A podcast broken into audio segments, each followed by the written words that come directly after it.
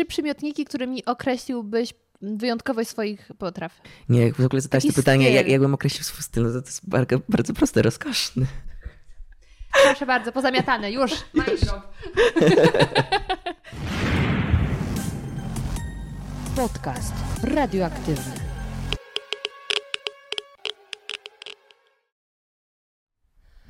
Dzień dobry, dzień dobry. Ja nazywam się Małgosia Zmaczyńska, a ty słuchasz podcastu radioaktywnego, czyli luźnych rozmów na nietypowe tematy.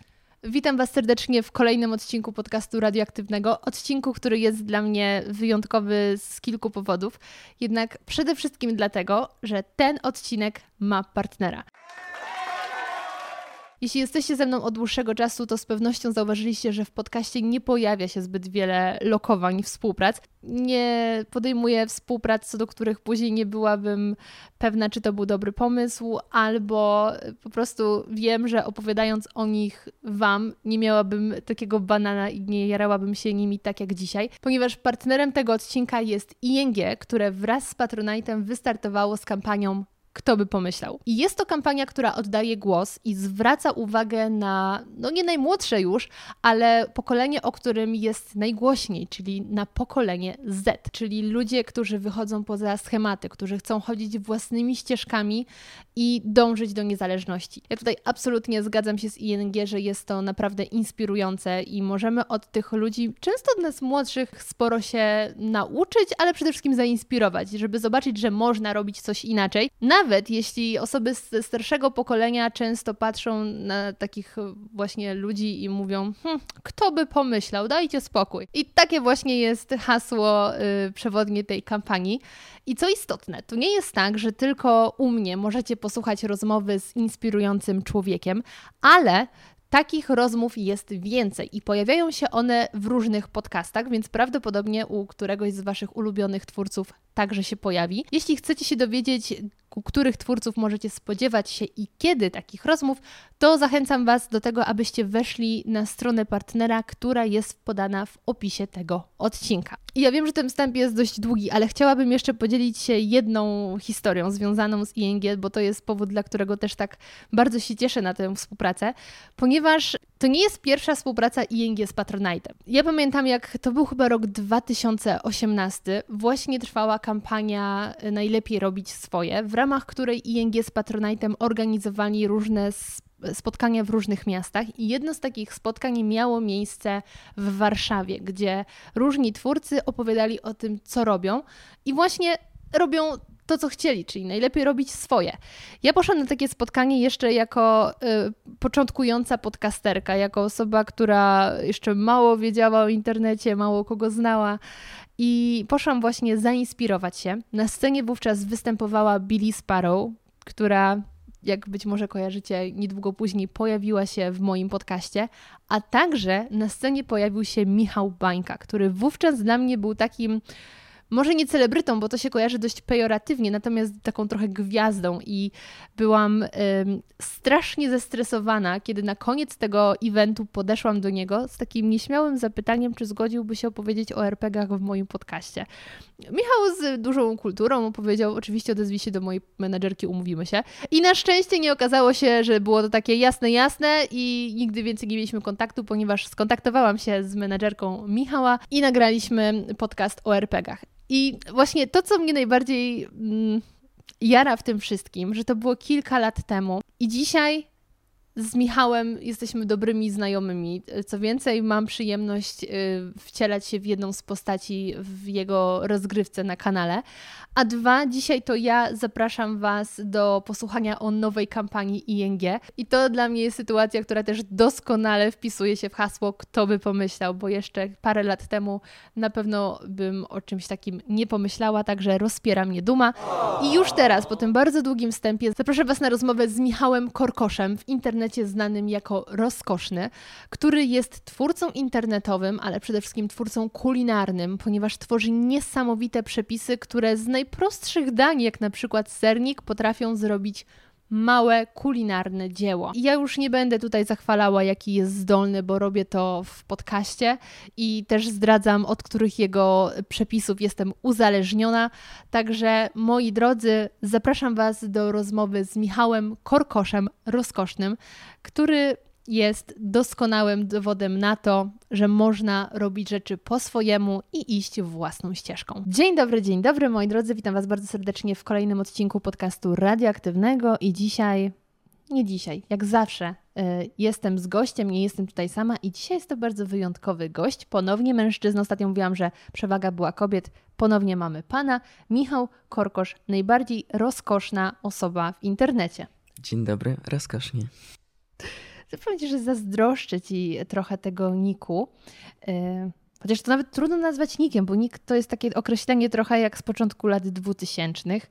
To już to jesteś bardziej ty. Tak, w ogóle śmieszna nazwa jest tym nikiem, bo ona powstała przed mną, w sensie internetowym, w sensie blogosferycznym, e, w momencie, kiedy zakładałem Instagram, ale personalny Instagram dla przyjaciół i wtedy poprosiłem dwójkę moich znajomych osobno w tym samym czasie, aby pomogli mi wymyślić ten nick instagramowy, aby był w pewnym sensie połączony z moją osobą, um, ale żeby też e, gdzieś kojarzył się z moim nazwiskiem. I oni obydwie w tym, obydwoje w tym samym czasie wymyślili rozkoszny, więc wiedziałem, że to jest znak. No i kilka lat później, kiedy założyłem bloga, kiedy zmieniałem ten Instagram w kulinarny Instagram, no stwierdziłem, że nie ma sensu zmieniać, no bo sensacje rozkoszy y, jak najbardziej są kulinarne i pasują do mm, całego, całej historii, którą chcę opowiedzieć. To jest, to jest trochę jak wygrać y, życie z dobrym nazwiskiem, które możesz dopasować do tego, co robisz, bo no, rozkosz mnie osobiście najbardziej kojarzy się z jedzeniem mimo wszystko. Także uważam, że bardzo trafione i tym bardziej dobrze się składa, że dzisiaj jest smacznego i rozkoszny. Także udało się nam nazwiska i wszystko oczywiście sprowadza się do jedzonka. Ale dobrze, słuchaj, zacznę od takiego trochę nieoczywistego pytania, ale jestem ciekawa, jak ty natrafiłeś na ostrygi? W sensie, usłyszałeś o nich najpierw w telewizji, przeczytałeś w książce, może w jakiejś bajce się pojawiły, a może w sklepie na półce i wtedy zapragnąłeś ich skosztować, jak byłeś jeszcze e, mniejszym człowiekiem? Wiesz nie potrafię ci odpowiedzieć na to pytanie. E, kiedy pierwszy raz zobaczyłem ostryki, nie pamiętam tej chwili, aczkolwiek wiele e, z moich takich pierwszych zachcianek kulinarnych Wiele z nich zrodziło się po pierwsze oglądając telewizor, e, oglądając programy kulinarne, które w tamtym okresie czasu były bardzo popularne.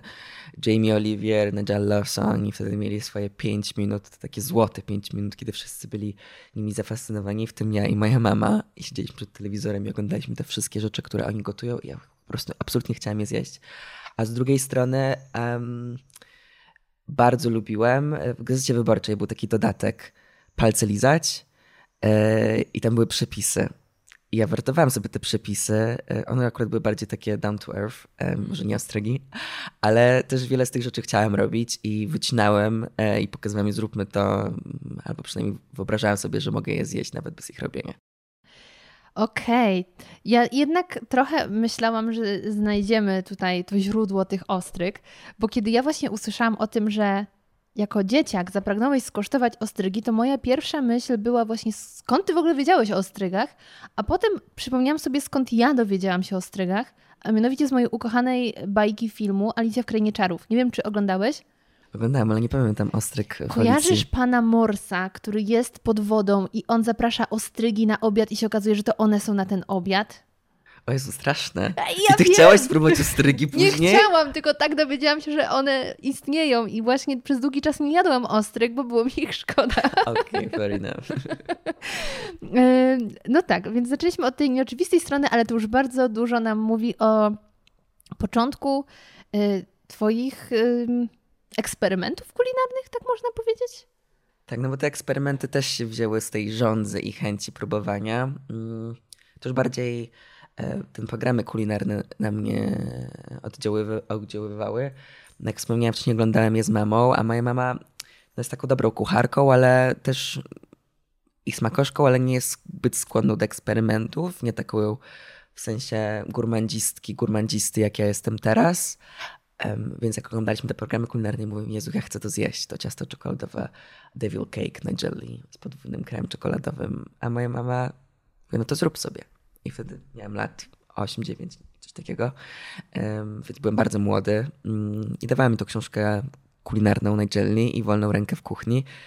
No i bałaganiłem okropnie, śledząc przepis krok po kroku i te rzeczy po prostu wychodziły. E, bo jak miałyby nie wychodzić, skoro realizowałem recepturę od A do Z. No i wtedy zobaczyłem, że to jest po prostu ogromna satysfakcja, nie tylko dla mnie, bo to faktycznie wyszło, też satysfakcja dla moich rodziców, bo byłem małym dzieckiem i tu nagle okazuje się, że robię tort dwupiętrowy. Więc sprawiałem przyjemność sobie, innym, e, no i też no był taki moment poklasku. Jako dziecko wszyscy się sobą zachwycają, że jesteś taki cudowny. No i to po prostu było bardzo miłe, więc chciałem to kontynuować e, z wielu przyczyn, e, właśnie tych, których mówiłem. No i tak to się zaczęło w zasadzie. No i ta pasja kulinarna rosła wchodziła w różne stadia, różnymi rzeczami byłem zainteresowany.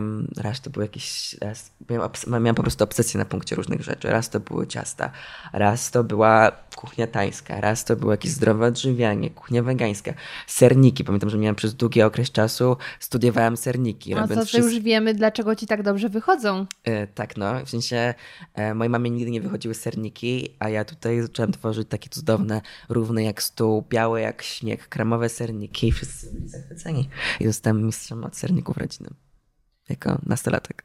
W imieniu swoim i mojego dobrego znajomego, który myślę, że nas ogląda, dziękujemy y, wszystkim Twoim bliskim, że pozwolili Ci eksperymentować z sernikami, bo my naprawdę na tym korzystamy dzisiaj. Kocham sernik matcha, o tym Ci już mówiłam i teraz muszę trochę pokombinować, żeby przejść na wersję kozią, ale jestem gotowa eksperymentować, żeby odzyskać trochę tego smaku. Ale to jest niesamowite, że w tak młodym wieku gotowałeś, bo okej, okay, dzisiaj żyjemy w czasach, kiedy jest Masterchef Junior i my widzimy młodych ludzi, którzy szaleją w kuchni. Natomiast kiedy ja byłam ośmiolatką, to moje gotowanie, bo też miałam takie ciągotki, ograniczyło się do tego, że wyszukiwałam, które na przykład y, sosy w storepki albo coś tam z torebki się przeterminowało i ja to wszystko w misce mieszałam i udawałam, że robię kotlety, później wszystko trafiało do kosza, bo to i tak było zepsute. Przynajmniej no, no, to jest proszek, to raczej nie było zepsute, ale no, podacie. I to było moje gotowanie. I zanim ja pamiętam, jak pierwszy raz sama zrobiłam budyń, jak poczułam się dorosła. Ja miałam z 12 lat. A ty robiłeś serniki. Czy ty masz jakieś zaplecze rodzinne, żeby takie rzeczy robić? Nie, w ogóle nie mam zaplecza rodzinnego. Nikt nie jest takim kucharzem, kucharką przez duże K, bym powiedział. E, wszyscy dobrze gotują, ale nie jakoś tak e, fantazyjnie. I nie było wielkiej tradycji kulinarnej u mnie w domu. W sensie była, no bo jest w każdym domu, ale też wszyscy się zastanawiali, skąd się to wzięło we mnie, skąd się wziął talent, bo nikt na pewno mi go nie przekazał. Ja zawsze po prostu odpowiadam, e, nie wyglądam, ale ja po prostu kocham jeść. Ja po prostu chciałam jeść te wspaniałe rzeczy e, i byłem zdeterminowany, żeby je e, gotować. Więc nie mieszałem zupek chińskich czy sosów e, w misce, no bo to po prostu byłoby... Oj, nie, nie wiesz, co straciłeś. No, straciłem na pewno dobrą zabawę, ale też się dobrze bawiłem, piekąc te ciasta i serniki i e, no i nie tylko. Mm, więc po prostu chyba jest, wszystko środziło się z takiego łakomstwa ogromnego. Może ciekawości po prostu też. No to się chyba bo... łączy, nie? Mm, ciekawa teza i w sumie trudno się nie zgodzić. Okej, okay, okej, okay. możemy to rozdzielić. Można, można lubić jeść i wyobrażam sobie taką osobę, która ma określone rzeczy, która lubi jeść, bo okej, okay, wszyscy lubią jeść. E, tylko to są różne stopnie. I tak. Niektórzy po prostu nie lubią kosztować nowych rzeczy i Oj, tak. idą po prostu do maka na ten sam zestaw i rozpływają się nad tym zestawem i to jest super. Bawcie się. Bawcie się z tymi frytkami, burgerami, bo dlaczego by nie? Jedzenie ma sprawiać przyjemność, um, ale ja po prostu chciałem kosztować nowych rzeczy um, i, no i po prostu byłem hedonistą od zawsze, który rozpieszczał się tymi nowymi smakami. To jest fantastyczne, że ty bardzo często w swojej narracji i twórczości używasz określenia hedoistyczne podejście do życia i do jedzenia, bo myślę, że to jest ważne, żeby pamiętać o tym, że y, życie bywa trudne, i nieznośne, ale mimo wszystko są sposoby, żeby trochę tej przyjemności, albo nawet trochę więcej sobie e, gdzieś przekabacić i, i cieszyć się z takich nawet małych rzeczy, a jedzenie tej radości daje mnóstwo. I mm, ponieważ spotkaliśmy się dzisiaj ze względu na to, że ING razem z Patronite'em stwierdzili, że chcą pokazać światu, drogi świecie, e, ciekawych przedstawicieli młodego pokolenia, którzy robią rzeczy inaczej. I to odpowiada y, haśle, kto by pomyślał. I to hasło bardzo mi się podoba, bo ja ostatnio jakoś tak często w różnych sytuacjach mówię, kto to widział? Dajcie spokój. Właśnie, kto by pomyślał? I ty ewidentnie tym swoim działaniem i podejściem wpisujesz się, kto by pomyślał, bo w pewnym momencie stwierdziłeś, kocham jeść. To nawet szybko stwierdziłeś i poszedłeś tą drogą, więc jak patrzysz na reakcje osób dookoła siebie, to jakie one były na początku, kiedy stwierdziłeś w pewnym momencie, to ja chcę założyć bloga kulinarnego, więc jakie wtedy były reakcje? A potem, kiedy się okazało, że jeszcze ten blog staje się Twoją pracą, i jakie wtedy były reakcje na zasadzie, a kiedy znajdziesz sobie normalną pracę? Wiesz wydaje mi się, że mm, samo narodzenie, mojej, e, narodzenie się mojej pasji nie było niczym wyjątkowym. No bo tak jak wspomniałaś, dzisiaj wiemy, że nawet młodsi ode mnie e, są świetnymi kucharzami, kucharkami, mają wizjonerami w kuchni. Oglądamy tego Masterchefa. E, też sposób, jak narodziła się ta pasja, nie jest w żaden sposób, nie jest wyjątkowy. Też się bardzo rolę odegrała to moja babcia, czyli to jest taki po prostu archetyp, jak się e, rodzą twórcy kulinarni. Tylko raczej ta wyjątkowość we mnie jest w werwie e, i sumienności kontynuowania tej pasji, e, bo ja po prostu zaciskałem zęby i ja to robiłem dalej w momencie, kiedy założyłem tego bloga, bo wiedziałem, że będzie ciężko i tworzysz podcast e, i wiesz, że czasami są takie momenty, że po prostu ci się nie chce, szczególnie na początku działalności, kiedy nie masz czy dużej publiki, która by cię mobilizowała. A ja robiłem to, aby to robić. Bardziej myślał, że robię to dla samego siebie i nie zwracałem uwagę, uwagi, co myślą inni. E, Pewnie były śmiechy, chichy e, moich znajomych, że tutaj chcę być w centrum uwagi zakładając bloga, bo zawsze jest ten taki element cringe'owy tego zakładania, zakła bycia jest, influencerem czy blogerem. Nie jest. Dopóki nie staje się sławny, bo wtedy wszyscy się zmieniają e, mindset i jest tak wow, to jest takie super, nie? I wszyscy chcą od ciebie coś. Ale na początku mogło być inaczej. Ja ten nie wiem, bo na to nie zwracałem na to uwagi. Bo to była moja pasja. I oczywiście też tak traktowałem to, nie? Jak zakładałem bloga, to nie myślałem, że ten blog czy gotowanie może być um, moją przyszłością. Wtedy byłem w liceum, planowałem iść na studia, potem poszedłem na te studia, studiowałem i ten blog po prostu był równoległą częścią mojego życia. Um, rozwijałem się w ten sposób, tworząc go. Um, I przez wiele lat, nawet w momencie, kiedy ja już nawet stwierdziłem, że okej, okay, jestem w tym naprawdę bardzo dobry, ludzie chcą tego, to może być moje życie, to może być coś, co będę wykonywać do momentu, kiedy umrę, no bo nie przyjdę na emeryturę. Hmm. E, I dostawałem takie pytania jeszcze do momentu, kiedy stałem się tak naprawdę bardzo popularny, czy w momencie, kiedy moja książka została bestsellerem, to dostawałem pytania od rodziców, czy tam od, no może nie od rodziców, ale od rodziny, ale co po studiach?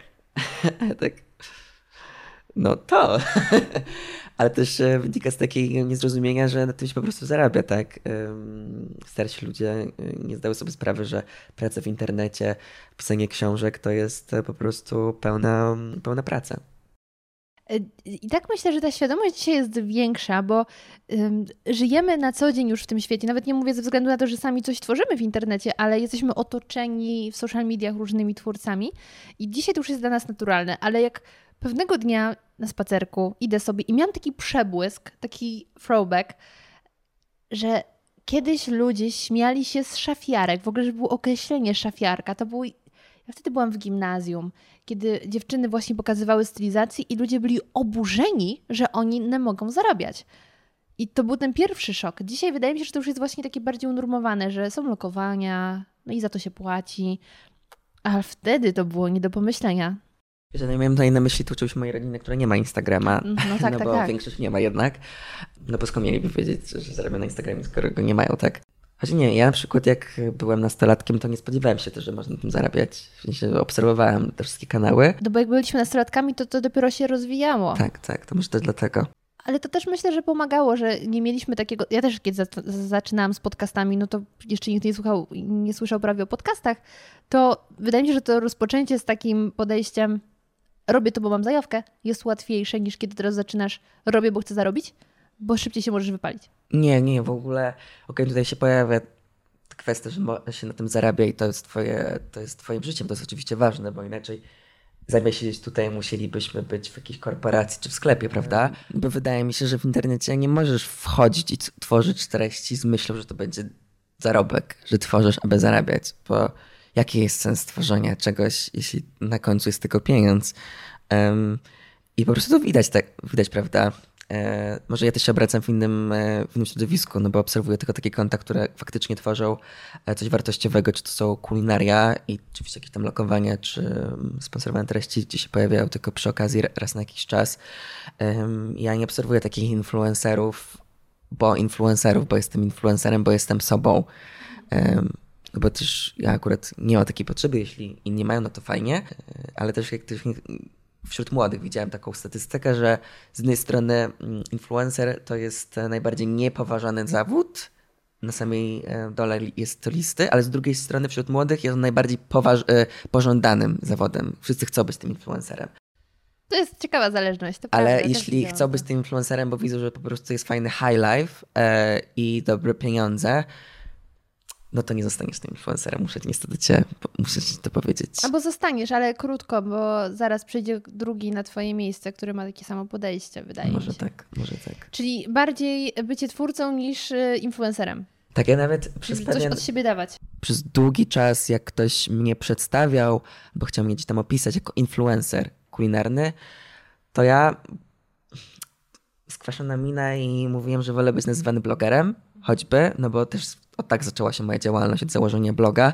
Jednak zupełnie jest inna konotacja tego słowa, bo jak jeśli masz bloga, to tworzysz jakieś treści, tak? E, a influencer może być tym influencerem, który jest tylko sobą i nic więcej nie oferuje oprócz zdjęć swojej twarzy. I tyle. Ale teraz, e, przez to, że mam wiele innych e, platform niż sam blog, e, lubię nazywać się wieloplatformowym twórcą internetowym. Mm -hmm tylko tym twórcą, że to jest ten content creator, że tworzy przepisy, wideo, wywiady, różne rodzaje treści, które są po prostu wartościowe dla... Przewodniki podróżnicze. Przewodniki podróżnicze, opowieści, wszystko. Wizytówka. Wszystko. czego, czego tylko chcecie. Treści skrojone na Twoje potrzeby. Dobrze. My tak będziemy troszeczkę, myślę sobie tutaj właśnie lawirować, po, nie wiem czy to dobre słowo, e, krążyć pomiędzy trochę tematami tworzenia w internecie i tym, jakie mamy oczekiwania, ale dalej z tematem kulinariów. Więc teraz na chwilę hop, wracamy do mm, kwestii kulinarnych, bo zastanawia mnie, co jednak zachęciło Cię do tego, skłoniło bardziej, żeby założyć bloga? Bo y, ja też przez moment miałam bloga kulinarnego y, i pamiętam, jak go stworzyłam z, z konkretnego powodu, ponieważ byłam wówczas modelką i inne modelki, patrząc, że ja jem, y, a one właściwie nic ciekawego nie jadły, to chciały, żebym ja to wrzucała do internetu. I tak to się zaczęło. Ale potem sobie pomyślałam, jest tyle dobrych treści w internecie, czy mój blog jest jeszcze potrzebny? Czy ja jestem w stanie stworzyć coś, czego nie znajdą u innej osoby, żeby przyszły do mnie? Bo co innego jest. Jak właśnie opowiadasz na Instagramie coś, albo na TikToku, czy na wideo o czymś, i nawet Twój sposób mówienia może e, sprawić, że ktoś woli posłać Ciebie niż kogoś innego, ale czasem można by pomyśleć, że no przepis to przepis. No i na przykład jeśli chodzi o wypieki, to zazwyczaj przepisy są tam bardziej sztywne, jeśli chodzi, dajmy na to, o proporcje. I co jednak sprawiło, że Ty pomyślałeś, zasługuje na własną platformę? Mam kilka odpowiedzi na to pytanie. Super, dawaj. Po pierwsze, to nie, to nie był mój pomysł, aby założyć bloga, e, tylko mojego brata, który jest pewnym sensie programistą, zaproponował, że e, stworzy mi tego bloga i będzie administratorem tej strony. Po prostu widział, że ja siedzę w kuchni i wymyślam przepisy. E, to jest moja pasja. I stwierdził, że dlaczego nie spisywałbym tych przepisów i nie jako w pełnej formie, takie, jakieś nasze babcie mamy, miały takie notesy kulinarne, prawda? Zeszyty. Zeszyty kulinarne. A ja tych nawet takiego zeszytu nie miałem i te przepisy, które tworzyłem, one po prostu się kupiły, tak? No bo pamięć nie jest nieograniczona. Tworzyłem, szedłem dalej. No i sam zaproponował, że mógłbym to spisywać też dla samego siebie i przy okazji dzielić się tym z innymi. E, I w tym, tym czasie trochę postawałem na moim prywatnym Instagramie, który oczywiście był pu- publiczny, więc miałem tam jakieś osoby, które... których- zewnątrz. Z zewnątrz, no nie było ich dużo, ale które jak wrzucałem jakiś przepis, który zrobiłem, tak jak każdy z nas w tym momencie robi, no to pytali, o, no, co to za przepis? A ja mówię, no wymyśliłem go, ha. A no to podziel się. No i miałem kilka tych bodźców, aby założyć tego bloga, no i go zrealizowałem e, i na początku tworzyłem w zasadzie dla samego siebie. To nie było najwyższych lotów na samym początku. Ale pod kątem fotografii, czy pod kątem y, treści? Bo Tego no, i te- fotografia zwykle na początku jest tego taka... i tego. Na początku mało robiłem apetyczna. zdjęcia telefonem. To nie był nawet jeszcze iPhone, więc wiele pozostawiało to do życzenia. Tylko po kilku miesiącach od razu jako perfekcjonista stwierdziłem, że nie, to muszę zamienić się na aparat i tak zacząłem rozwijać moją pasję fotograficzną. Ale czekaj, ale ty, powiedz, czy te zdjęcia i tak wyglądały lepiej, kompozycja tych potraw niż igraszki graszki? Znasz igraszki graszki? Och, mój drogi, ile tracisz? To jest taki fanpage. e, Igraszki graszki i tam różne, nie wiem czy to ciągle ta sama kobieta, czy różne panie domu wrzucają zdjęcia, ale to trochę jakbyś kalkulatorem zrobił zdjęcie sałatki jarzynowej. No to nie, no wiesz, ja mam jakieś poczucie estetyki, okej. E, I też wtedy był taki modno, się układało ten instagramowy feed, tak żeby było estetycznie, no to oczywiście też robiłem takie estetyczne zdjęcia tego jedzenia do jakiegoś stopnia, prawda? I to na samym początku było jak najbardziej okej, e, tylko wiesz, też pisarstwo, styl mojego pisania ewoluowało od tamtego czasu, jak jestem przewinąłem się jakiś czas temu na tych pierwszych wpisów na bloga, to się za głowę złapałem. Em, ile tam w ogóle też literówek było w tych tekstach. Em, I też jakość mojego gotowania się zmieniła na przestrzeni lat. Ale jeszcze wracając do twojego, do twojego pytania, ja na samym początku w ogóle nie porównywałem się do innych. Ja nie zostawiałem się i myślałem, czy jestem wystarczająco dobry, bo ja tworzyłem dla samego siebie. I te treści, które serwowałem w internecie, były poboczną e, tego. No i oczywiście w pewnym momencie, kiedy tak poczułem ten wiatr w skrzydłach, e, kiedy rozkręciłem się, zacząłem mieć jeszcze więcej kreatywności w kuchni, poprzez też blogowanie, tak? Bo poczułem taką potrzebę nawet tworzenia jeszcze większej ilości treści, em, jeszcze większej ilości przepisów, bo poczułem, że to po prostu mi sprawia przyjemność.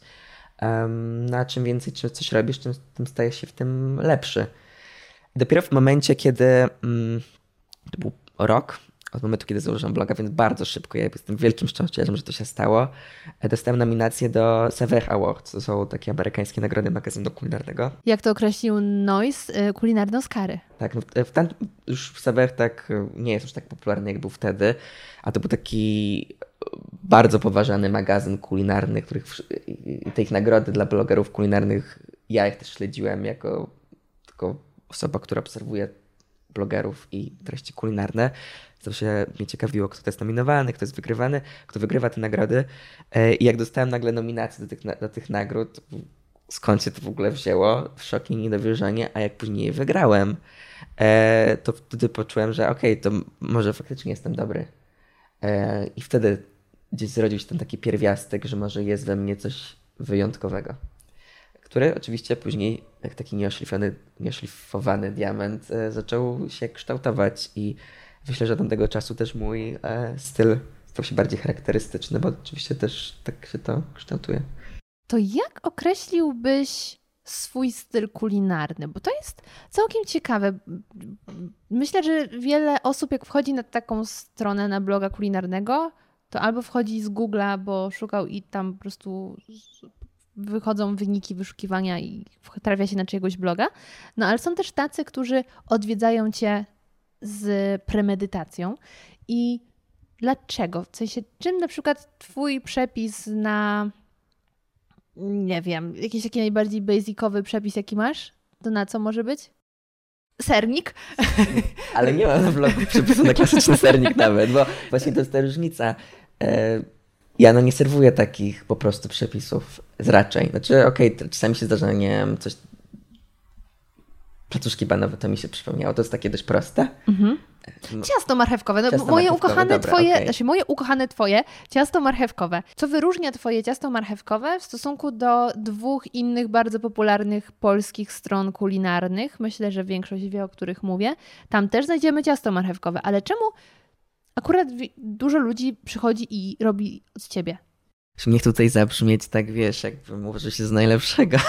Dawaj. Ale to jest bardzo ważna część mojego bloga i moi czytelnicy zauważają, bardzo często podkreślają, e, że bo ja jestem perfekcjonistą, takim perfekcjonistą swojej nieperfekcji, ale ja po prostu jak tworzę te przepisy, to ja naprawdę chcę, żeby one były najlepsze. Ja sobie czasami przetestuję te przepisy, które są wyżej na Google na samym początku, żeby zobaczyć, co, czego w nich brakuje, co mogło być jeszcze w nich lepszego. E, i po prostu szukam takich absolutnie najlepszych rozwiązań. E, wydaje mi się, że w takim polskiej świadomości kulinarnej nie ma jakichś takich też podstawowych, może podstawowych, dla mnie podstawowych zasad, które sprawiają, że ciasta będą lepsze. Um, nie wiem, czy jak sypniesz te pół łyżeczki soli, to czasami to absolutnie smak tego ciasta się zmienia. Nie jest słone, tylko jest bardziej wyraziste. Um, czy na tych dwóch innych stronach internetowych będzie te pół łyżeczki soli? Nie. Czekaj, właśnie edytują przepisy. Ale powiedz mi, e. czujesz się bardziej um, taki pewny siebie w słodkich czy w wytrawnych daniach? Nie wiem, częściej nachodzi cię wena na nowe ciasto, co tutaj zaszaleć, czy a zrobię nową sałatkę? Ja chyba bardziej lubię robić słodkie rzeczy, ale to też się bierze z tego, że um, ciasto jest czymś bardziej wyjątkowym. Mhm. A sam też blog i moje to gotowanie tak mi się wydaje, bardziej jest takie odświętne, bardziej wyjątkowe. Nawet jeśli to ma być wyjątkowość na co dzień, mhm. czyli zrobić sobie na obiad, to jest jakiś taki ostatni bardzo popularny przepis, cytrusowe boczniaki ze szparagami, kolendrą i chili, 15 minut. Ale jak będziesz to jadł, to, to czuję, że to jest coś wyjątkowego. Wiesz, co jest u ciebie w opór wyjątkowe? E, ramen. No tak. Ten kremowy. To jest najprostszy przepis na ramen, jaki znalazłam – i to jest ta wyjątkowość na co dzień, bo te składniki nie są aż tak trudne. Do pasty miso obecnie można kupić w Biedronce. No grzybki to bardziej przy azjatyckich y, tygodniach, ale można pójść do jakiegoś, nie wiem, oszą i tam też są. I oh, jak zrobiłam, co jadłam przez dwa tygodnie, bo skończyłam jeden garnek, zrobiłam drugi. No tak, no ale też nie jest to taka, taki przepis dla Kowalskiego, mm, który po prostu co zjeść na obiad, aha, pójdę do rozkosznego i o, ramen, zrobię ramen na obiad w, środę. Prawda? To nie jest coś takiego... No ale mówimy o tej wyjątkowości na co dzień, którą no tak, możesz tak, zrobić, tak, nie? tak, tak, tak. No, no takie też przepisy mi chodzi, no bo wiesz, ta moja idea na gotowanie to jest właśnie to poszukiwanie doznań. E, nawet jeśli to będą jakieś małe rzeczy, nawet jeśli to będzie zestawienie dwóch prostych składników w tych placuszkach banowych, o których wcześniej wspomniałem, że podgrzejesz, spalisz, spalisz zrobisz plane masło, dosy, dosypiesz cynamonu, soli e, i soku z cytryny i zamienisz te placuszki bananowe, na których są już skarmelizowane plaster banana i zamienisz to proste śniadanie w coś wyjątkowego. Um, to chodzi o takie e, rozkoszne sensacje. To trzy przymiotniki, którymi określiłbyś wyjątkowość swoich potraw. Nie, w ogóle zadałeś to pytanie, jak, jakbym określił swój styl, no to, to jest bardzo, bardzo proste, rozkoszny. Proszę bardzo, pozamiatane, już, y, Okej, okay, no to tutaj tak słodko, rozkosznie jest, ale myślę sobie, że um, stereotypy działają w dwie strony. Bo z jednej strony pojawiają się stereotypy, że każda kobieta musi umieć gotować, co nie jest prawdą, nie musi, ale że na przykład żadna kobieta nie potrafi jeździć samochodem. Również główno prawda, potrafią. Um, I w stosunku do mężczyzn również są takie, wydaje mi się, krzywdzące stereotypy. Przykład, kiedy idziesz do knajpy z kilkoma facetami i jeden zdecyduje się zamówić sałatkę, a ten z nadsteku mówi, nie no stary, bądź mężczyzną. Co to za sałatka, to się tym nie najesz. Yy, oczywiście to też trochę generalizacja, tak działają stereotypy, ale dalej jest jakieś takie nadawanie płci potrawom. I powiedz mi, czy ty też się z tym spotykasz, że niektórzy ci piszą ojejku, zrób porządnego steka, nie robisz kolejną sałatkę albo ciasto, zrób coś bardziej męskiego? Zdarzają się takie sytuacje, komentarze? Na Czy po prostu blokujesz, Insta- więc nie? Na Instagramie nie, bo Instagram to jest taka bezpieczna społeczność. Ludzie, którzy tam przyszli, żeby zaznać coś ciekawego. E, Zdarza się dużo hejtows- hejterskich komentarzy na YouTubie. To jest w ogóle jakieś takie strasznie toksyczne środowisko to I trochę youtuberskie. TikTok też się rozkręca w tą stronę, powiem ci. Tak, ale to, no bo też TikTok ma to są ogromne zasięgi, prawda? E, em, więc trafiasz po prostu do całego przekroju społeczeństwa. No ale na YouTubie to, to tam do kwadratu. No i zdarzają się takie rzeczy, no zrób coś z mięsem. No jakby, Ale ty masz z mięsem. Ja dam y, utka z twojego przepisu. tak, no bo na, też kilka lat temu, jakieś 5 lat temu jak blogowałem, to jeszcze nie byłem wege e, i dzieliłem się przepisami i nie będę ich usuwać, no bo dlaczego miałbym to robić? Mm, e, więc w ogóle nie reaguję na takie komentarze. Ale zdarzają się. Y, Zdarzają, ale raczej okazjonalnie i raczej to wynika z, nie z tego, jak to powiedziałeś, że się przypisuje jakieś dania konkretnym płciom, tylko bardziej to jest ten taki opór em, osób, które czuły się zagrożone, że to mięso zostanie im zabrane, bo promuje się dietę roślinną jako em, no coś, co może poprawić nasz dobrostan naszej planety. Y, Wszyscy wiemy dlaczego. No i niektórzy, niektórzy po prostu boją się e, tego. Nawet na, TikTok, na TikToku jak dostałem taki komentarz, jak wrzuciłem jakiś tam przepis na wegańskie wrapy czy coś takiego. Um, I ktoś napisał, że no zobaczyłem ten przepis, więc następnym razem jak będę w kebabie, to wezmę mięso na, e, wezmę kebaba na potrójnym mięsie. W sensie tym, żeby kilka zwierząt zostało zabitych. Komu robisz na złość, nie? E, Ja tak, okej, no to jak chcesz zjeść tego kebaba, to sobie zjedz. Uspokój się. Bo, bo znowu to nie jest tak, że z dnia na dzień mówisz, słuchajcie, guys, nigdy więcej mięsa, ale jest bardziej, słuchaj, może raz w tygodniu zamiast kebaba spróbuj coś innego. Właśnie to flexi też.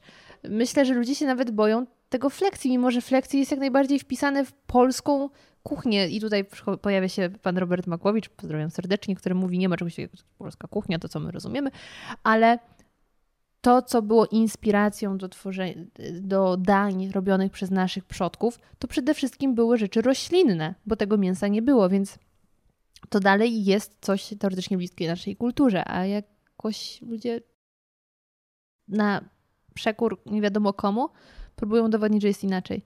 Zastanawiające. Ale mm, miałeś sytuację, na marginesie powiem, że wiem, że kiedyś miałeś, e, kiedy ktoś próbował cię zmienić, kiedy nie podobało mu się to, kim jesteś i stwierdził, zrobię lepszą, z ciebie lepszą wersję ciebie? Mhm. Miałem taką sytuację na początku, kiedy y, rosnąć i zainteresowała się mną pewna e, pani menadżer, em, która jest panią menadżer e, innych blogerów popularnych. I była bardzo zainteresowana współpracą, tylko mówiła, że to musimy popracować nad moim wizerunkiem, bo jest on zbyt sfeminizowany, taki androgeniczny, to było to słowo, którego użył, androgeniczny.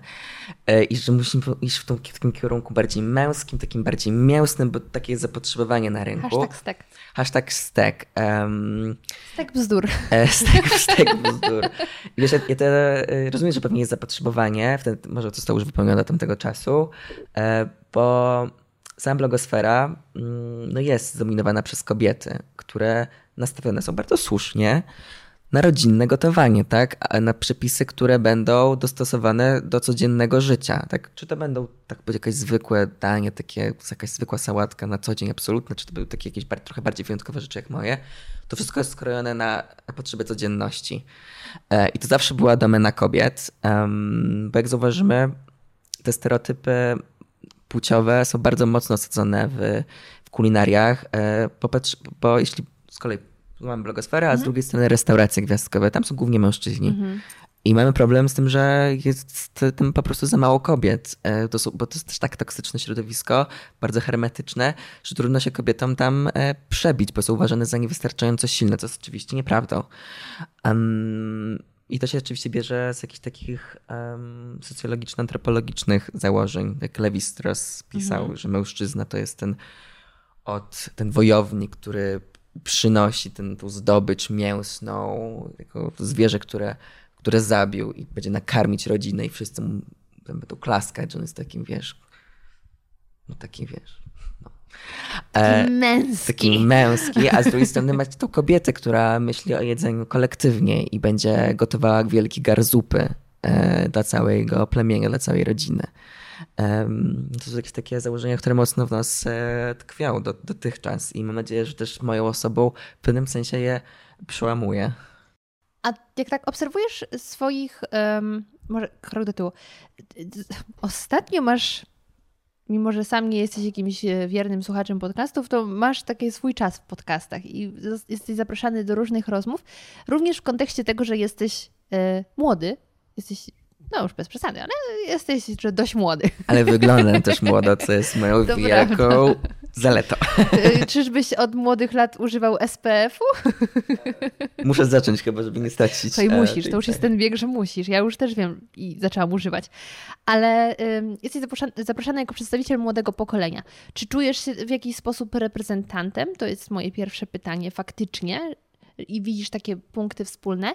A drugie, czy właśnie dostrzegasz u swoich e, rówieśników podobne przemyślenia co twoje. Oczywiście trochę żyjemy w swojej bańce i temu, co podsyła nas, e, nam TikTok według algorytmu, ale jak rozmawiasz z ludźmi, to czujesz, że macie te wspólne wartości i właśnie to, że dobra, zapomnijmy już o tych stereotypach, która płeć jest do robienia czego, tylko po prostu skupmy się na tym, że jesteśmy ludźmi? Co to jest bardzo problematyczne, no bo trudno być reprezentantem, bo to jest wielka generalizacja, prawda? Zresztą ja akurat urodziłem się w 98 i to jest ten e, problematyczny rocznik, który nie poddaje się klasyfikacjom. A to mój podobno się nie poddaje, 95, że ja jestem podobno zilenialsem. No ja słyszałem i czytałem, że znaczy tam są różne te klasyfikacje. Tak, bo ja słyszałam, że 9,5 i 9,6 to jest przełom. A ja to, że akurat, y, że 9,8 to jest ten absolutny, tak, że nie wiadomo w którą stronę. No to słuchaj, high five. No to jakby my się nie poddajemy żadnym klasyfikacjom. Tak. A, I trochę dostrzegam w sobie, ale to wiesz, może to jakaś siła perswazji, cechy milenialsów. Chyba cechy... masz też starszego brata, tak? Twój brat jest starszy? Tak, ja właśnie 9,5. A, a mój jest 9,2. Także... Ty masz milenialsa w domu. Tak, ja jestem, dlatego, dlatego ja uważam, że jestem tym milenialsem, bo z jednej strony rozumiem TikToka, a z drugiej strony pamiętam, jak to było jeść piasek na podwórku, nie? Dobra, mhm. nie jadą, okej. Okay, no ale już okej, okay, nie to jest okropni e, młodzi ludzie, którzy teraz mają 16 lat, też pewnie pamiętali, jak to jest jeść piasek na podwórku. Tak mi się wydaje. Mam nadzieję, że nie pamiętają i tego piasku nie je. Nie, po prostu pamiętam czasy przed internetem też jeszcze, bo ten internet raczkował. Ale już, dobra, znowu jakieś stereotypy chcemy wejść, właśnie te łatki, kto jest zilenialsem, milenialsem czy zetką, ale to powiedz mi w takim razie już nie zastanawiając się, czy jesteś tą zetką, czy nie jesteś, czy jesteś zilenialsem, widzisz wśród swoich znajomych takie punkty wspólne i wspólne cele i wartości? Tak, no ale to też się może brać z tego, że to jest też jakaś moja bańka, prawda? Otaczam się ludźmi, którzy zostali w jakiś sposób wyselekcjonowani mniej lub bardziej świadomie, e, bo po prostu pasują do moich wartości, prawda? E, więc tutaj bym odpowiedział, że jak najbardziej dzielimy podobne cechy, ale czy można je zgeneralizować na e, całe pokolenie? Mm, nie sądzę, prawda? Więc na pewno, na pewno tak i nie. Więc nie, nie mogę ci tutaj odpowiedzieć jednoznacznie na to, na to pytanie. No i wystarczyło powiedzieć, to zależy. To, zale to zależy. Słuchajcie, teraz jest pora na kącik. Uwaga, jingle. Zajebiście, ale to zajebiście ważne pytanie. Expecto patronum!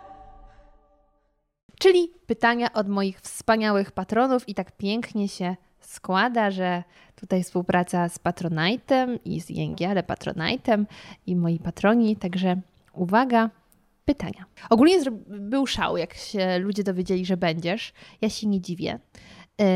I pierwsze pytanie od Ewy. Jak to jest próbować co chwilę nowych dań i mieć ciągle głód na nowe rzeczy? No jak to jest? Odpowiem tak pokrętnie ja nie zawsze mam chęć spróbowania nowych rzeczy. Czasami jestem tak zmęczony, wycieńczony, że mam ochotę zanurzyć się w comfort food, junk food. A co jest twoim comfort food? Um, tak, na pewno makaron w sosie pomidorowym z parmezanem. Um, na pewno chleb taki świeżo wypieczony z masłem i solą. Um, Moim odkryciem ostatnio była sól wędzona. mm, wspaniała, wspaniała. Amazing. Na pewno, na pewno, na pewno um, pad thai to może być takie dość nieoczywiste, bo bardzo lubię tą, tą złożoność smaków. I orzeszki ziemne. I to wiesz, chrupie, jest kwaśne, słodkie, e, umamiczne, e, wszystko tam jest. E, No je, jedno tyle razy, że mogę nazwać to jakąś taką bezpieczną przystanią kulinarną. Mm. I wiecie, tak naprawdę no dużo jest takich rzeczy, do których po prostu wracam, takich przepisów, które już zjadłem na tyle wiele razy, że mogę nazwać je jako e, coś e, zachowawczego. No bo no, moim, moją pracą jest kosztować nowe rzeczy i czasami po prostu nie chcę próbować tych nowych rzeczy, bo jestem zmęczony. E, I ma, rodzi, rodzi mi czasami takie poczucie winy, że ja może powinienem codziennie. Czyli, że jeśli nie jem codziennie coś nowego, nie zostawiam codziennie nowych połączeń, to czuję, że no, tak nie powinno być czasami, nie? E, Ale kurczę, to nie jest trochę tak jak z muzyką, że w pewnym stopniu liczba, y, czy może nawet już ilość akordów i tak dalej jest ograniczona. I to, że niektóre piosenki brzmią podobnie, to nie jest kwestia y, ukradnięcia od kogoś melodii, tylko to jest kwestia tego, że są pewne ograniczone możliwości. I to nie jest trochę tak z jedzeniem? Ile możesz jeszcze wymyślić? Ogórki kiszone z masłem orzechowym? Czy musisz wszystkiego spróbować? wiele. Właśnie ostatnie, co jadłem nowego, no to górki małosolne z miodem, pyłkiem pszczeli, pszczeli i jogurtem. Wspaniałe. O wow. Aha. Brzmi, brzmi perwersyjnie. Ale jadłabym. Aha. Aha. Mhm. A pyłek pszczeli to gdzie to można kupić? E, no na hali mirowskiej choćby. No. Co ty mówisz? Tak, tak. Um, wiesz, tak naprawdę tych połączeń jest bez liku. Naprawdę bez liku, ale e, to czy one będą dobre czy niedobre, no to, no to trzeba sprawdzić, prawda? Um, A co było takim rozczarowaniem, że pomyślałeś, Boże, to może być genialne i się okazało, że absolutnie nie było genialne? Bo trochę mi się nie chce wierzyć, że nie wybroniłeś czegokolwiek, że stworzyłeś może na pierwszy rzut oka, mm, ale dodałeś jednak coś, co wybroniłeś i wyszło świetne połączenie. Coś tak czuję na ciebie patrząc, że tak było. Nie, no były takie, że mi to po prostu stanęło w gardle. Ale wyparłem z pamięci. No, to się nie liczy, to jakby nie było. Nie odpowiem, ale jeszcze wracając do twojego pytania. mm, Wiesz, bo to nie chodzi o to, żeby zrobić rewolucję, żeby stworzyć danie, które mm, na, niektóre, na które nikt nigdy wcześniej w żaden sposób nie wpadł. No bo to jednak jest gotowanie takie samo z muzyką, opiera się na jakichś, um, na jakichś schematach, które zostały już opracowane. Jeśli zrobię tort, no to zostanie oparte na biszkopcie, prawda? I nie wymyślę biszkoptu nowego. E, to raczej chodzi o te niuanse, które nadają tym daniom e, ten unikatowy, świeży e, sznyt. Em, No i tak. E, A propos tego, przypomniał mi się TikTok, który kiedyś mi się wyświetlił, gdzie dziewczyna mówi, że odkryła, stworzyła zupełnie nowe naleśniki z jednego składnika, no właściwie dwóch, bo jeszcze wodę możemy uznać za składnik, a mianowicie naleśniki z samej soczewicy i wody. I ludzie jej wtedy napisali, jak możesz mówić, że stworzyłaś przepis, to jest bardzo stary przepis w kuchni, em, Boże, e, jak się nazywa ta kuchnia? Hinduskiej. Soka jeszcze jest prowansalska tak, samo. Soka z ciecierzycy, nie? Jest bardziej. No i Z wtedy... czego, z czego był ten naleśnik? E, Z soczewicy. Soczewic. E, No i to jest właśnie to, że mogło ci się wydawać, że stworzyłaś coś absolutnie nowego, ale to już jednak gdzieś jest. E, Ale no to już taki hardkorowy przykład. Ale no bo wiesz, e, ona stworzyła coś nowego i dla niej to jest doświadczenie. Może nie powinna używać takich Mocnych słów. mocnych słów albo a trochę obejść to, że ona to odkryła w jakimś stopniu i może coś takiego już zostało wcześniej wymyślone. Mi się też zdarzyło kilka razy, że no, stworzyłem jakiś przepis no i napisałem, że tutaj doszedłem jakieś tam połączenie, nie pamiętam o co chodzi i ktoś mi napisał, że podał mi jakiegoś autora, że ktoś już to zrobił. Mm. E, no i no, no to ktoś zrobił. Znaczy ja nie, nie, uży, nie użyłem może jakichś takich słów. Pamię, nie wiem, mam nawet konkretny przykład. Podałem dwa lata temu, rok temu przepis na tachtatę z karmelizowanymi szalatkami. Na wytrawnie, z tymiankiem. I ktoś mi napisał, że Jamie Oliver ma taki sam przepis. E, no i nawet miałem... umysły myślą tak samo. E, I nawet miałem tą książkę. E, no i sprawdzam, faktycznie jest tartetin z, z szalatkami. Z tym, że ja oczywiście nie napisałem w tym przepisie, że tutaj wielka idea, nikt tak wcześniej nie zrobił, tylko podałem przepis na tartetin z szalatkami, nie będąc świadomy, że ktoś to wcześniej zrobił. No bo u mnie z tyłu głowy jest tak, że świat jest ogromny. Ktoś mógł zrobić coś podobnego, udostępnić to, może nie udostępnić, nieważne. Ale to poczułem się taki zaatakowany, że ktoś napisał, że tu wcale nic nie jest nowego, bo Jamie Oliver zrobił to w, swojej, w którejś z książek. No jakby nie jestem alfą i omegą, żeby wiedzieć wszystko. Tym bardziej, że mamy do czynienia z Jamiem Oliverem, no ile on w ogóle książek wydał. Tak, no. Ym, no to słuchaj, kolejne pytanie od Moniki. Raz. Co jest dla Ciebie najfajniejsze w całym procesie? Wymyślanie przepisu, gotowanie, fotografowanie czy wcinanie? W ogóle ciekawa jestem e, tematu wcinania. Czy zapraszasz wszystkich sąsiadów z bloku i na zasadzie, dobra, jedzcie z tego wszyscy, bo ja już mam dość tego przepisu, bo musiało na przykład go dopracować, ale dojdźmy. Do- Zacznijmy od tego, co jest najfajniejsze w całym procesie. Najmniej fajne jest fotografowanie. Już, już mi się to znudziło. E, no, to jest po prostu e, męczące, że zanim trzeba zjeść, trzeba rozłożyć to, to, to, to przestrzeń do fotografii, wystylizować. Potem Ci to wystygnie. No ja już Nie tak się nie zjesz przykładam tego. tej fotografii bardzo, może tego nie widać na zdjęciach i staram się robić to jak najszybciej, e, żeby było po prostu, mm, mam nadzieję, że w czymś jest ładnie. E, A najbardziej lubię, no jak zadałaś to pytanie, to pomyślałem o kosztowaniu, no bo ja po prostu lubię jeść. Ale czy tak zawsze jest? Chyba coś pomiędzy. Najbardziej lubię ten moment, jeśli poczułem, że stworzyłem coś. Że jeśli to wyszło, Że to jest to. że to jest to. I czuję się taki energetyzowany. Nawet ostatnio miałem takie przemyślenie, bo zastanawiałem się, co mi daje szczęście. Yy, I stwierdziłem, że nic nie daje mi szczęścia w życiu tak bardzo, jak tworzenie przepisów. W sensie, jeśli te przepisy wychodzą i, i czuję, że to jest coś, że to jest coś. Yy, I szczególnie później, jeśli tam ten przepis odnosi jakiś sukces i wchodzi w nie wiem, jakiś repertuar em, Czyjś. czy, czyjś Mhm. i tam widzę, że tych I mnóstwo później jest- ten mnóstwo- ktoś zbiera mnóstwo- pochwały za sernik baskijski. i mnóstwo potem jest tych repostów na Instagramie, w sensie, Aha. że ludzie mnie tam oznaczają i ja po prostu czuję, że zrobiłem dobrą robotę. Okej. I to jest chyba takie, że, ten przepis został, że to wyszło mi.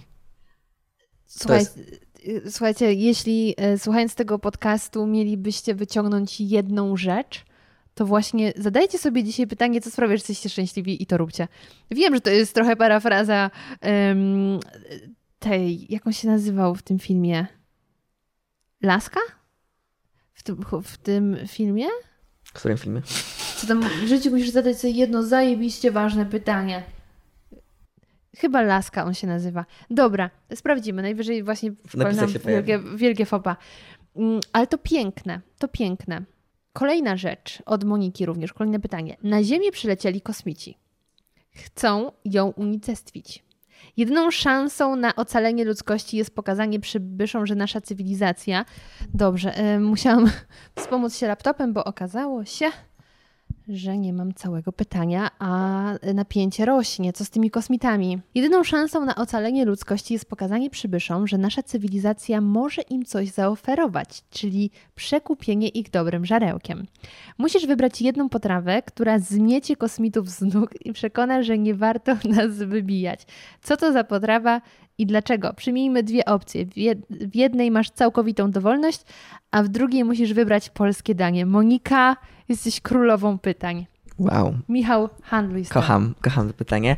Zacznę od tego, że e, był kiedyś taki trend na TikToku, Feta?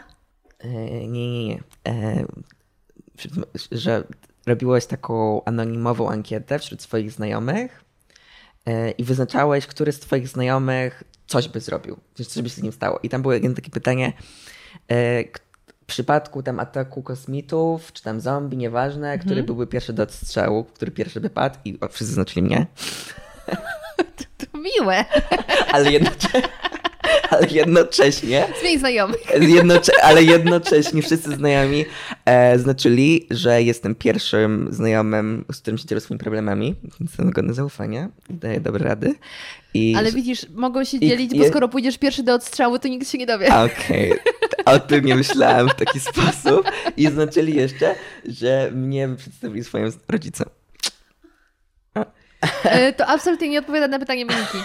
Ale historia dobra. Em, myślę, jeśli chodzi o dowolność, z takich dań, które ostatnio jadłem i mnie po prostu poturbowały mm, i też oddają pewnie pełną złożoność dorobku kulinarnego naszej cywilizacji, O, jakie mądre zdanie. jest to sernik. A jednak. Jest to sernik. Ale który sernik? Quattro formaggi, cztery sery z mascarpone, Filadelfii, e, e, gorgonzoli. Mhm.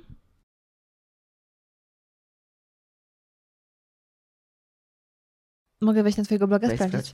Do Twarogu? Nie, parmezanu, już nie sprawdzać, pamiętam, pamiętam swój przepis. Uuu, ale to plot twist ten parmezan. E, Ale bardziej ten parmezan nadaje tej umamiczności. E, em, też, a ta gorgonzola, ta gorgonzola gra główne skrzypce. Ale wiesz co, to jest ryzykowny wybór, bo co jeśli kosmici nie tolerują laktozy? No to ich, Może wybi- jednak- no to ich wybijemy. Debil zła po prostu. Ale E, Wspaniałe, a- wspaniałe. A polskie... Hmm. Hmm, hmm, hmm. Mm, Nie wiem, Wiem, wiesz, ja jestem ja wiem. pierogi. Nawet dzisiaj mam ze sobą pierożka. Ja wiem, co bym zaparował. Nie pierogi, choć pierogi pewno by ich uspokoiły i ukoiły. Aczkolwiek takim polskim daniem, które moim zdaniem e, warto przedstawiać wszystkim przybyszom z zagranicy, nieważne czy z kosmosu czy z Francji, bo nie ma za bardzo takich zupy w innych kulturach kulinarnych, to jest żurek. A wiem, że tutaj Rzeszów się odzywa. Rozmawialiśmy o tym dzisiaj. y, Znaczy, już nie chodzi o ten Rzeszów. Kulisowo. Nie chodzi o to, że ten Rzeszów, że ten żurek rzeszowski jest tym przykładnym żurkiem um, i sposób jego podania z tym, z jajkiem, tam tradycyjnie z kiełbasą, ja bym pewnie serwował go trochę inaczej. A tak- dostałem taki przepis do mojej drugiej książki, więc zrobię taki snipt. E, na żurek z chrzanem, e, z miso, z pieczonymi boczniakami i z um, pire ziemniaczanym i z e, szczypiorkiem. Tak, taki serwował. Wow. Mhm. Przy czym powiem ci, że mistrz Makłowicz mm, w jednym z wywiadów, nie wiem czy też w czasie naszej rozmowy o tym nie wspomniał, ale właśnie powiedział, że on też żył w przekonaniu, że żurek jest nasz i jednak żurek nie jest nasz. No ale ja, ja wiem, znam to podejście Roberta Makłowicza do polskiej kuchni, że nic nie jest polską kuchnią, ale mm, ja mam zupełnie inne podejście do tego, czym jest polska kuchnia, bo mm, ja nie uważam, że to jest coś historycznego. To jest coś, co jemy w tym momencie. A, Tak, to to- ciekawe. I jeśli byśmy w tym momencie sobie definiowali polską kuchnię, no to prawdopodobnie może wszedł do niej kebab.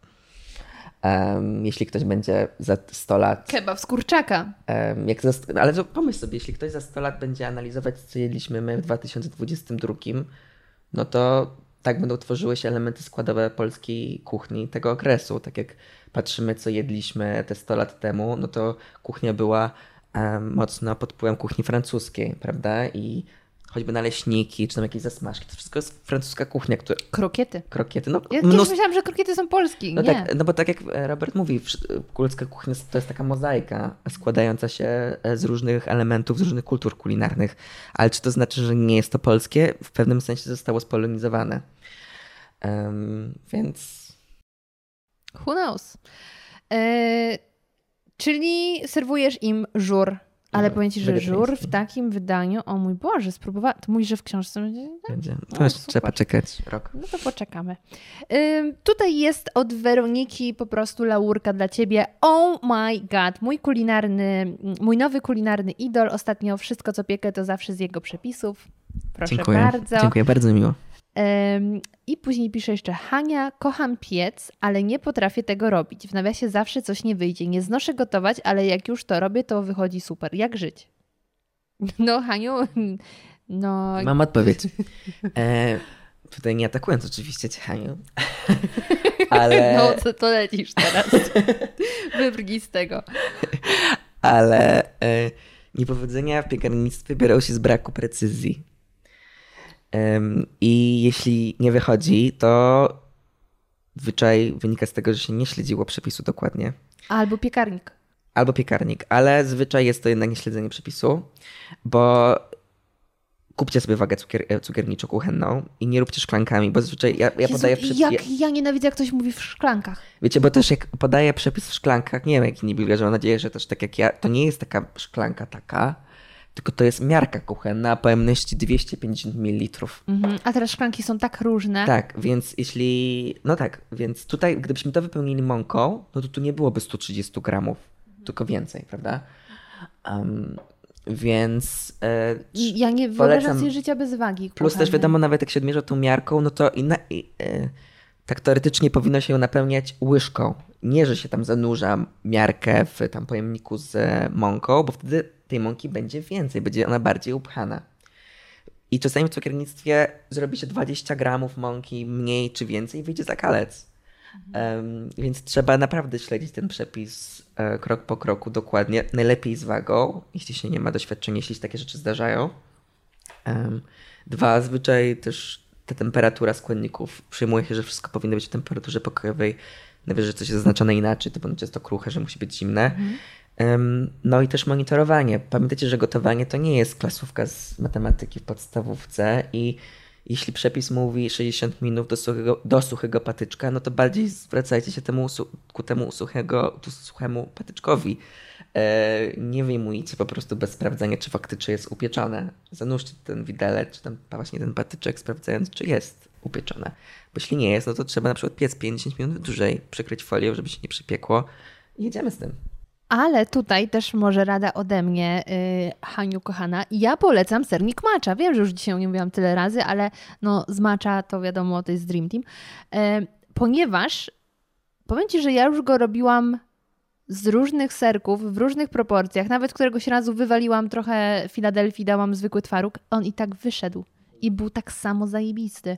Więc myślę, że to jest przepis, od którego można zacząć na zasadzie wyjdzie. Jeszcze prostszy baskijski, bo ten, tu masz przynajmniej dwa, wa- dwie warstwy. Jeśli tam ktoś mi napisał, że mu się te warstwy tam pomieszały. Mi też, ale to i tak dalej wyglądało ładnie i było smaczne. No właśnie, no to widzicie, mamy ci odpowiedź. Sernik. S- Sernik. Sernik. To teraz, skoro jesteśmy już w kuchni, to mam jeszcze do ciebie takie, takie pytanie, sobie wymyśliłam, a tutaj mam notatki, to przy okazji zobaczę, bo już bym zapomniała o tym pytaniu. Czy są jakieś zasady, którymi kierujesz się w kuchni, ale one też świetnie sprawdzają się w życiu? Czyli zasada wyciągnięta z kuchni, która sprawdza się w życiu codziennym. Wszystkiemu i wszystkim, wszystkim trzeba dawać szansę. Czekaj, gdzie jest chusteczka? Wzrusz. No to jest piękne. I że y, nawet to, po czym się nie spodziewasz, Albo możesz... nawet drugą szansę. Albo nawet czasem trzeba dopracować nawet Trzeba niektóre dopracować. relacje. I, mm, mm, piękne. Em, a teraz chciałabym jeszcze przejść. Przepraszam, mój brzuszek burczy. E, za dużo rozmów o jedzonku. Em, chciałabym przejść jeszcze do tematu Twoich studiów i pracy dyplomowej, która zbiegła się w czasie z Twoją książką w Stanach Zjednoczonych. Jeszcze raz y, gratki. Merci. E, merci. E, właściwie thank you. Ponieważ Twoja praca była poświęcona dyplomacji kulinarnej. To jest niesamowite zagadnienie. I w związku z tym chciałabym e, zapytać, jak w takim razie oceniasz polską dyplomację kulinarną? I czy też patrząc na odbiór Twojej książki w Stanach, masz jakieś takie przeczucia, czy Polska, e, gdyby dobrze została poprowadzona ta nasza dyplomacja kulinarna, miałaby szansę gdzieś zbliżyć się tą popularnością albo ym, ciekawością ludzi względem kuchni włoskiej, tajskiej, które są chyba najpopularniejsze w tym czasie. To zacznę od tego, żeby trochę e, zdefiniować, czym jest dyplomacja kulinarna, bo może wydawać że to po prostu jest, są to zabiegi w kuluarach placówek dyplomatycznych em, wśród dyplomatów, aby zaimponować im kuchnią. To nie jest tylko to, a w zasadzie to jest mniejszość wręcz.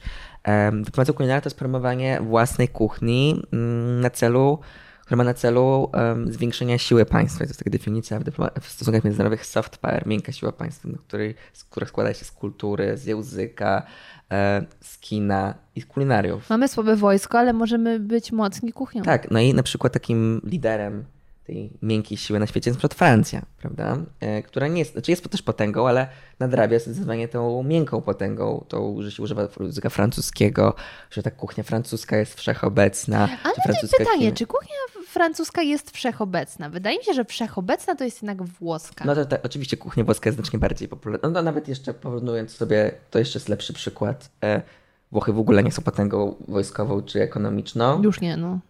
Ale są wszechobecne w naszej świadomości przez kuchnię. Albo, nawet, albo jeszcze bardziej, właśnie ta taj, e, Tajlandia, taj, tajska kuchnia. Jak często myślelibyśmy o Tajlandii, gdybyśmy nie jedli tajskiej kuchni? Bardzo złe myśli mi przyszły do głowy. E, no pewnie nie często. Coś pomyślałeś o surrogacji? O masażach. No, ale to też jest miękka siła. No, sensie. chyba, że masz mocny masaż, to już nie jest tak miękko. Jesteś pospinany. No, ale wracając do twojego pytania, Jakie są nasze mm, perspektywy? Każde państwo em, ma swoją dyplomację kulinarną i polska kuchnia, e, Polska też realizuje e, tą dyplomację jak Kto najbardziej. jest za nią odpowiedzialny w Polsce? Mm, No, jakieś, wiesz, to są wiele instytucji. Na pewno Ministerstwo Spraw Zagranicznych, same placówki dyplomatyczne w każdym kraju prowadzą różne działania w kierunku dyplomacji kulturalnej, która jest tak szeroko pojętą dyplomacją kulinarną. Też biura turystyczne, takie wiesz, rozmawialiśmy wcześniej jeszcze przed tym, jak weszliśmy przed kamerę o presturach, że różne państwa zapraszają influencerów, dziennikarzy na objazdy kulinarne, pokazując im, co mają do zaoferowania, no to też jest forma dyplomacji kulinarnej, żeby później oni opisywali w swoim kraju. Tam kiedyś była jakaś afera z tym, że zaprosili jakichś influencerów do Polski i to taka wyszła chyba trochę z tego porażka. Pamiętam, że była jakaś afera. Nie słyszałem. Nie słyszałem, nie pamiętam. Kurczę, nie pamiętam, ale po, po nagraniu poszukam, o co wtedy chodziło. Mhm, Okej. Em, ale czy mamy szansę dogonić Włochy czy e, Tajlandię? Nie sądzę. Tak będąc zupełnie szczery. E, Na pewno jest zainteresowanie regionem. No bo oczywiście jednak Stany Zjednoczone dyktują trendy kulinarne i nie szukujemy się, że tak jest, że tak nie jest. Mm, jest zainteresowanie właśnie kuchnią ukraińską, rosyjską, polską, bo te tematy nigdy nie były za bardzo zgłębione. Nigdy nie było pięciu minut tych kuchni. Tak, tak jak, nie wiem, właśnie było pięć minut kuchni francuskiej, hiszpańskiej, Skandynawskiej. skandynawskiej. Już Mhm. minęło ten, ten pięć minut kuchni Okej. skandynawskiej. To jakoś niedawno było. Tak, tak. No właśnie przez ten pos, po, postulat, um, skandynawskich szefów kuchni z René Recepim na czele, em, jak tworzyć, jak jeść e, kulinaria i konsumować.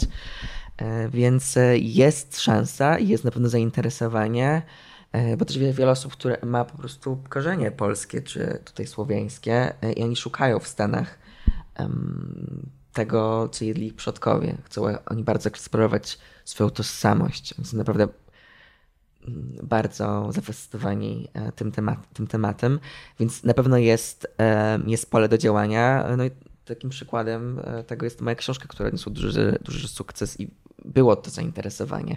E, Było wiele pytań. Ten właśnie też żurek, było, było, było takie pytanie, czym jest ten żurek, że o, zupa na, zakwa, na zakwasie, nigdy wcześniej czegoś takiego nie jedliśmy, albo chłodnik e, był wielkim hitem takiej recenzji San Francisco Chronicle, która, no to tam ta recenzentka się zachwycała tym, e, tym chłodnikiem. Tam, Polskie gazpacho. E, Nie, ona chyba tam mówiła, ona albo ktoś inny napisał, że to może być letni, e, letni ramen. Że to jest takie, wie, Tak, konsystencją. jaj- Natomiast to, że to na zimno, to chyba najbliżej ludziom się kojarzy z gazpacho. Tak, tak. No ale że ramen jest takim, taką zupą na czasie, no to tak, tak, tak. dlatego tak to ujęła, nie? Em, więc na pewno jest pole do eksploatacji, eksplo, eksploatacji, Eksploatacji. eksploatacji. Em, szczególnie chyba mm, w przypadku pierogów, który, w których ja widzę mm, taki potencjał gastronomiczny. Yy, No bo każdy lubi pierogi. W Stanach mają obsesję na tym punkcie. Jak pisałem książkę, no to moje wydawnictwo miało jeden wymóg, jeśli chodzi o treści, że musi być rozdział poświęcony pierogom. Cały rozdział. Niż cały rozdział. I też mogę zdać, bo nie dojdzie do skutku, bo też nie chciałem realizować tego projektu. Od razu po napisaniu tamtej książki to wydawnictwo amerykańskie prosiło mnie, czy mógłbym napisać książkę poświęconą pierogom w 100%. Znaczy nie chciałem poświęcać tak i zawężać swojej działalności, całej publikacji jednemu tematowi, więc odmówiłem. Ale to pokazuje, jakie jest zapotrzebowanie. E, Zresztą Zuza Żak, ambasadorska, ambasadorka polskiej kuchni w, e, w UK, w Wielkiej Brytanii. E, Tutaj książka, na dwie książki zostały przetłumaczone na język polski. Pierwsza nazywa się Polska. Wydała teraz, albo właśnie zapowiedziała, książkę poświęconą pierogom. Właśnie wydaną fi- Pierogi. Pierogi. Pierogis. Pierogi, tak. E, więc ja widziałbym taki potencjał też. W Nowym Jorku jest taki bardzo popularny, nie wiem czy to mogę nazwać street food, czy taki e, punkt w jakimś takim holu gastronomicznym. Pierogi Boys się to nazywa. No i oni tam po prostu serwują pierogi, tak, z okienka i to jest bardzo popularne w Nowym Jorku.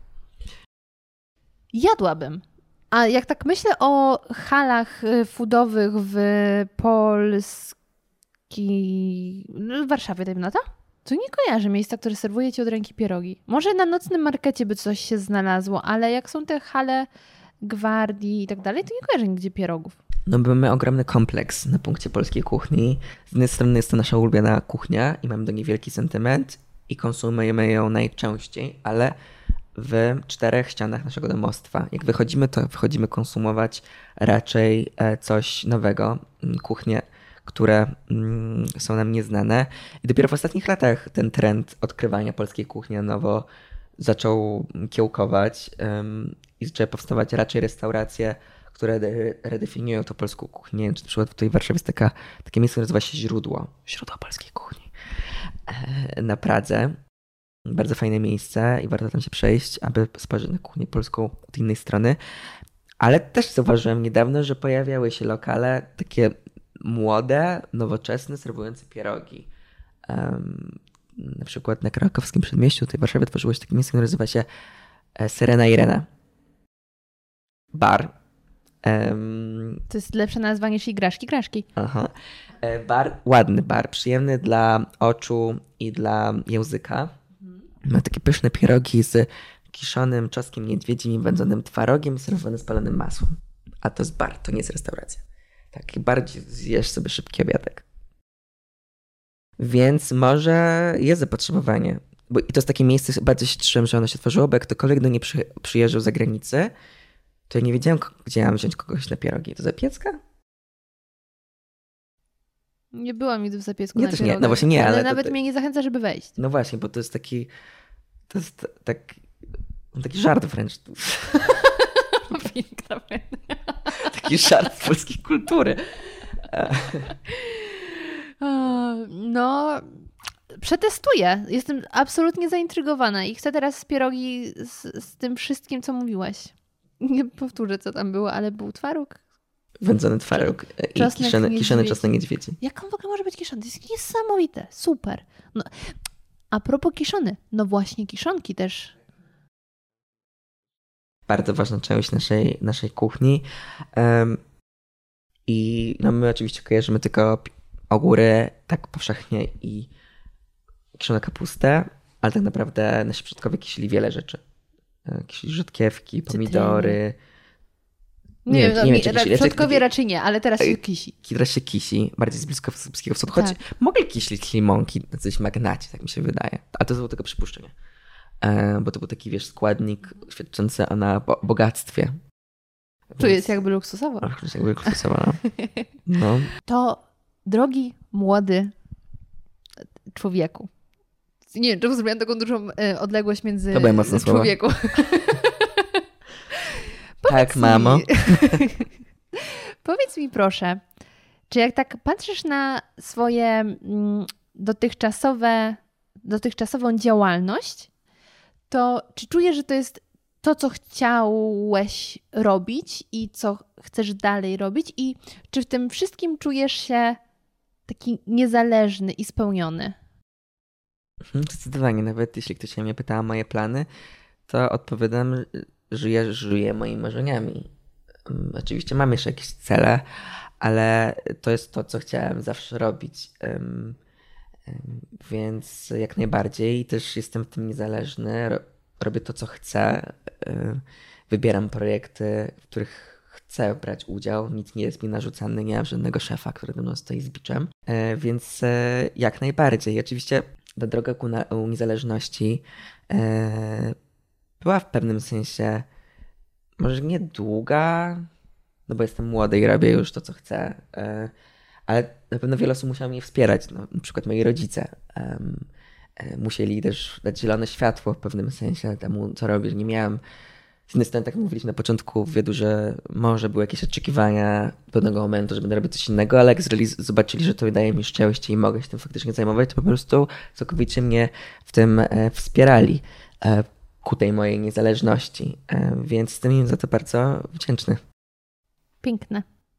Piękne i y, to znowu chyba nawiązuje do tego hedonizmu, o którym rozmawialiśmy na samym początku, że warto właśnie łapać to życie, jeśli ma się takie możliwości, bo wiadomo, sytuacje są różne, ale robić coś dla siebie i robić coś, nawet jeśli to docelowo kiedyś nam nie przyniesie pieniędzy, jeśli e, nie sprawi, że będziemy mieli wielki poklas, ale po prostu daje nam wielką frajdę, to warto to robić. I cóż, życzę Ci oczywiście samych wspaniałości, samych pysznych rzeczy na Twojej drodze. I tego, żeby ludzie y, już coraz rzadziej, patrząc na to, na przykład, co robisz, że jesteś młodym, niezależnym, zdolnym człowiekiem, mówili: No, kto by pomyślał, facet w kuchni, żeby to było jak najbardziej normalne. I tak, no po prostu rób zajebiste rzeczy. Taka puenta. Dziękuję. Ja życzę jeszcze większej ilości udanych rozmów. Dziękuję. Dziękuję serdecznie. I jak wrażenia? Mam nadzieję, że poczuliście się zainspirowani albo życiowo, albo kulinarnie, albo najlepiej jedno i drugie i przede wszystkim miło spędziliście z nami czas. Przypominam, że jest to tylko jeden z podcastów w ramach kampanii realizowanej przez ING i Patronite. Z tego co się orientuję, to kolejna rozmowa pojawi się w podcaście Karoliny Sobańskiej, a które rozmowy już się pojawiły oraz jakie jeszcze przed nami, tego dowiecie się wchodząc na stronę partnera dzisiejszego odcinka i tam znajdziecie całą rozpiskę, wszystkie informacje, gdzie szukać i gdzie się inspirować. I zanim się z Wami pożegnam, to chciałam jeszcze serdecznie podziękować osobom, które właśnie wspierają mnie na Patronajcie. Kochani patroni, bardzo dziękuję, że Was mam oraz za to, że jesteście tak niesamowicie kreatywnymi ludźmi, bo y, dzisiejsze pytania myślę, że najlepiej pokazały to, na co Was stać. Także serdecznie Wam dziękuję i do usłyszenia już niedługo.